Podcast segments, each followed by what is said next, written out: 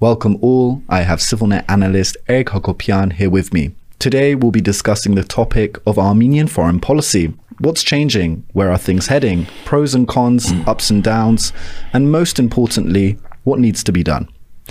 So, Eric, thank you for joining me. It's a pleasure to be here.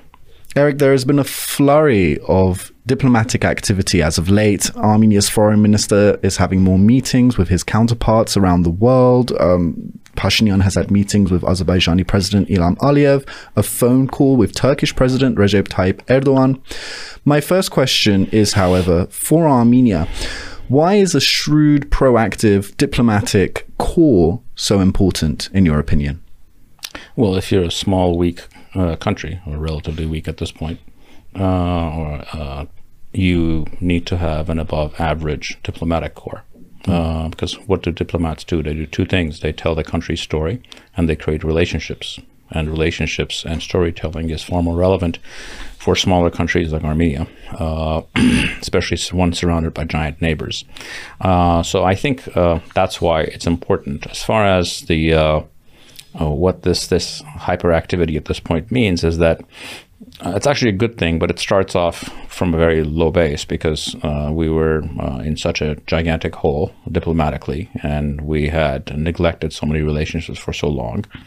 Uh, I think they're making a very concerted effort. I'm not talking about the immediate negotiations with uh, with the Turkish regime or the regime in Baku. I'm talking about overall. Uh, I mean, the foreign minister is out of the country most of the time now, which is the way it should be. C- creating these, you know, one-on-one relationships with primary countries in Europe, but in also in other places in the Middle East. So I think it's a good thing. But obviously, uh, to be truthful, uh, our primary opponents actually have a much better diplomatic corps and have done a much better job of telling their story and creating relationships. And this is something where we need to do a lot of catch up. But it's a good sign that they're being active. But we need to put that in context that they're starting from a very low base. And an important factor of the diplomatic sphere right now is the Russian invasion of Ukraine, which I want to talk about. Uh, the war is currently in a sort of stalemate, even though Russia has been making some gradual advances, taking the city of Lysychansk, for example. Uh, with state state interests in mind, what should Armenia's approach be, its diplomatic approach be? What would be the best outcome for Armenia, and what should Armenia generally hope for in this regard? The best outcome for Armenia, and in fact for most other smaller countries, uh, is a quick end to this war, in whatever terms. Uh, obviously, that's not that's not how the primary parties see it, uh, but. Um, the more uncertainty, uh, the more stability in the world, uh, it, it is a better world for smaller, weaker states. So our state interest is for a quick end to this war, no matter what that means. Uh, as far as uh, uh, what we could do about it, with you know, our ability to affect it is very limited. And I think the one thing that this government has actually done fairly well is to sort of thread the needle mm-hmm. of not uh, antagonizing Russia at the same time, uh, not condoning the invasion. Mm. I mean, how do you think this war is going to end, Eric? This war at this point will only end in two ways. One is a collapse of the Ukrainian army, uh, one uh, or two, and, obviously the United States and the West are doing everything to prevent that from happening.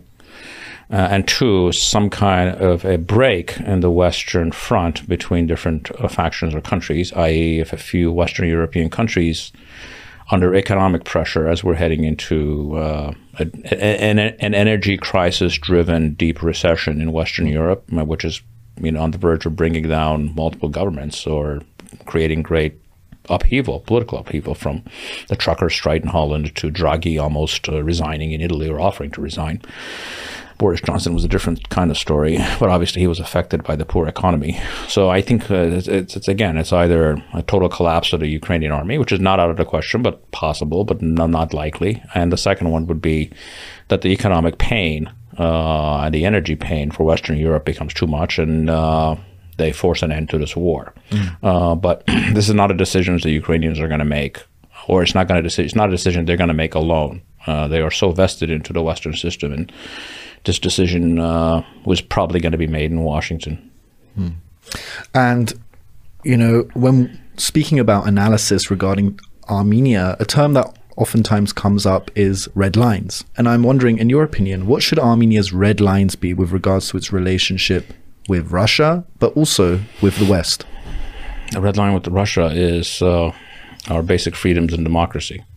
Mm-hmm. Uh, we do not want to live like slaves like some of our neighbors do to the east and west of us. Uh, that's our red line there.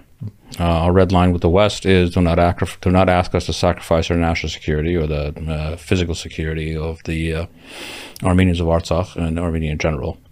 Those are our red lines. Mm. But there have been some diplomatic bre- breakthroughs as of late. Pashinyan had a phone call with Turkish President Recep Tayyip Erdogan. A first, um, Ankara and Yerevan have agreed to open the land border for third party citizens and also open the skies to air cargo transportation. Is this, in your mind, a success of Armenian diplomacy? If it's a success, it's a very minor success. Because I think this is not a process that's driven by us it's a process that's driven by international pressure or inter- international events, uh, or uh, Turkey trying to, uh, you know, give a good impression to different parties in Europe specifically and the United States. Um, but uh, the air cargo thing, for example, is a good thing. Just overall, it's, it's always a good thing to be able to have more cargo access and you know more access to your country. But overall, these are something that they're very rudimentary level, and I think the fact that they're on the rudimentary level speaks of the insincerity of the other side because. Uh, for all the conditions that they had set over 30 years about having relations in an open border, those have already all been met, and they're still refusing uh, and going through these minor refer. I mean, just third party thing, which is it essentially means you're going to have uh, hippies and truck drivers. I mean, just, just imagine a, you know a border between like uh, Sweden and Norway that only uh, you know people from Bolivia can cross. So it's a bit of an it's it's a it's a bit of a nothing burger. Mm-hmm. Backpackers and stuff. Yeah. Uh, I want to go through a few more countries uh, in terms of the diplomatic sphere. I'm also interested in your opinion with regards to Israel. Armenia and Israel don't have really that deep relations, but recently uh, Israel appointed a new ambassador with, who met with Pashinyan and said that he wants deepened relations. Israeli new uh, Israel's new prime minister Yair Lapid has been seen as more inclined to deepen relations with Armenia. However, in Armenia, Israel is seen as the country that supplied uh, high quality uh, weaponry and technology to Azerbaijan, which was used in the 2020 war. Should Israel be engaged with? Well, absolutely, it should be engaged with. It's not. An, I mean, you need to engage Israel for the purposes of engaging that country because it's an important country regionally, and obviously, uh, Israel's supporters, the Jewish communities around the world, are you know, very influential in most of the countries that they live in. So it's obviously you need to engage them. Uh, I'm skeptical about what you can uh, what you can change uh, diplomatically or politically because the, uh, the, the the relationship between the Aliyev regime and Israel is based on uh, one thing, which is um, allowing uh, the operations of the Israeli government against Iran to go through his country. which is a dangerous game to play and if there's a serious confrontation, he'll pay a price for it. But so far, he's been the winner of that calculation, and Israel is not going to sacrifice that access uh, to have a relationship with Armenia. Mm-hmm. That's just simply not going to happen. However, I think where you can actually do make breakthroughs is on the economic front. there are already multiple uh, Israeli IT firms that have have offices in Armenia, and uh, there's actually a lot of back and forth with that, and also in the jewelry trade. So there's actually where you can create relationships is actually on the business front, uh, and that can lead to other things, and also a scientific front. Uh, I think those are the two places you start. Uh, but I, I, do not say I do not see any any effort that anybody can make that can fundamentally undo uh, the uh, relationship with Israel because it's based on uh, something that we cannot do, which is to become an antagonist of Iran. Mm. And another area I, I think is very interesting is the Arab world. Uh, Pashinyan recently met and signed, signed multiple agreements with the Qatari emir in Doha. Uh, overtures have started with Saudi Arabia. Armenia does not have diplomatic relations, mm-hmm. official diplomatic relations with Saudi Arabia, but many believe this will change soon. How do you think the Arab world should be approached? Oh, this is this is all very good. Uh, the Arab world, uh, you know, is the center of uh, money investment, many other things in, in uh, not only you know, regionally but worldwide. Specifically, the UAE, um, frankly, even more so than Saudi Arabia. Uh, so I think the engagement is a must, and I'm very glad, that, for example, that the prime minister was in Qatar. Uh, I think these are all very good developments, and this is also where culture comes into play. You know, Armenians actually have a have history in the Arab world of being the you know the middle class business people, people who make the countries run as far as from a from a commerce standpoint, whether it's in Lebanon, Syria, or there's a lot of Armenians in the UAE right now in Dubai. So uh, I think there's a lot of goodwill that we can actually uh, use. And I think what this really tells you is what we need is a serious, uh, what I call the, the diplomacy of the peripheries, the politics of the peripheries, just because relationships regionally, locally are always are always problematic. You please one party and you displease another because all of these countries that are neighbors to us or have different relationships mm. with different countries. However, if you're creating relationships with the Argentinas and the Brazils and the uh, Singapores and the Ethiopias of the world, uh, there's no conflict, and you can actually deepen those relationships because some of those countries can actually become very good trade partners, uh, or in case of Singapore, very good examples. Uh, so, and it doesn't cause any problem. So I think that, uh, and it also was one of the places where you can actually uh, use the realities of the Armenian diaspora in places like Brazil and Argentina, where Armenia should have actually no business in. You can actually have significant relationship with because they have significant and very wealthy Armenian communities. Mm. So I think it's very important. This is the first step into creating this uh, diplomacy and the politics of peripheries that can actually allow this country to bat to become much more relevant than its size would actually allow it because it's uh, this is where the Armenian nation comes into play because we're an international people actually. Mm. There has been some criticism, however, of Armenia's diplomatic team. Many decry it as inexperienced. For example, Armenian Foreign Minister Arad Mirzoyan has little experience in the diplomatic sphere.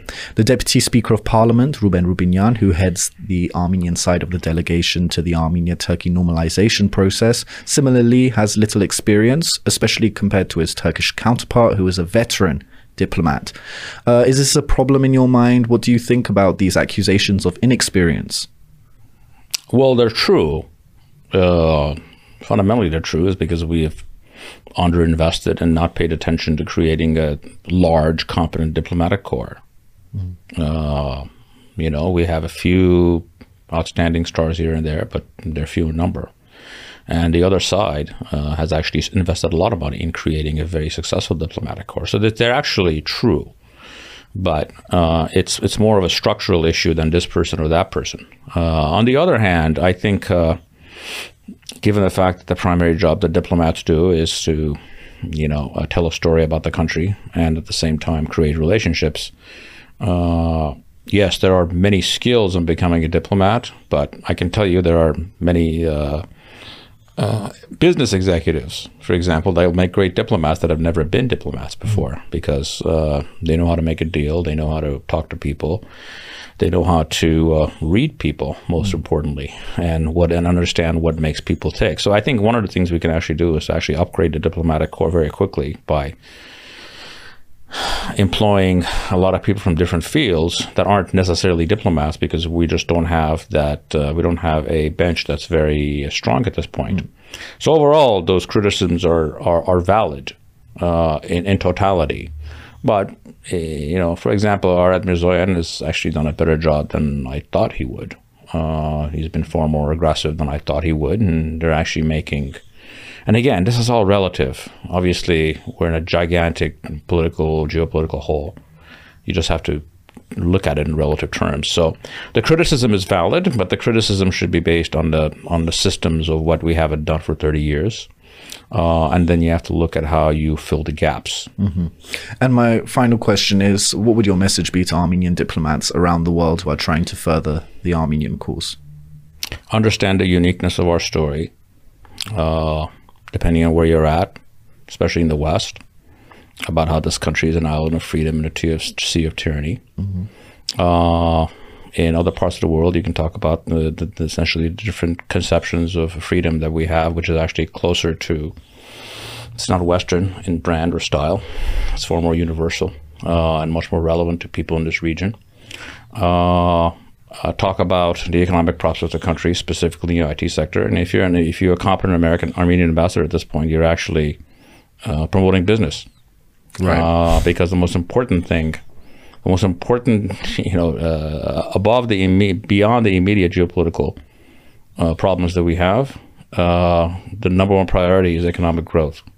Because if the prosperous Armenia can actually turn the tables on many things, that's the number one priority of everyone. So it's economic development, telling a competent story about the country uh, and our neighbors, uh, and essentially having a message that matches with each of our audiences. But uh, more often than not, it's just don't be lazy, be a, be be aggressive, and do your job.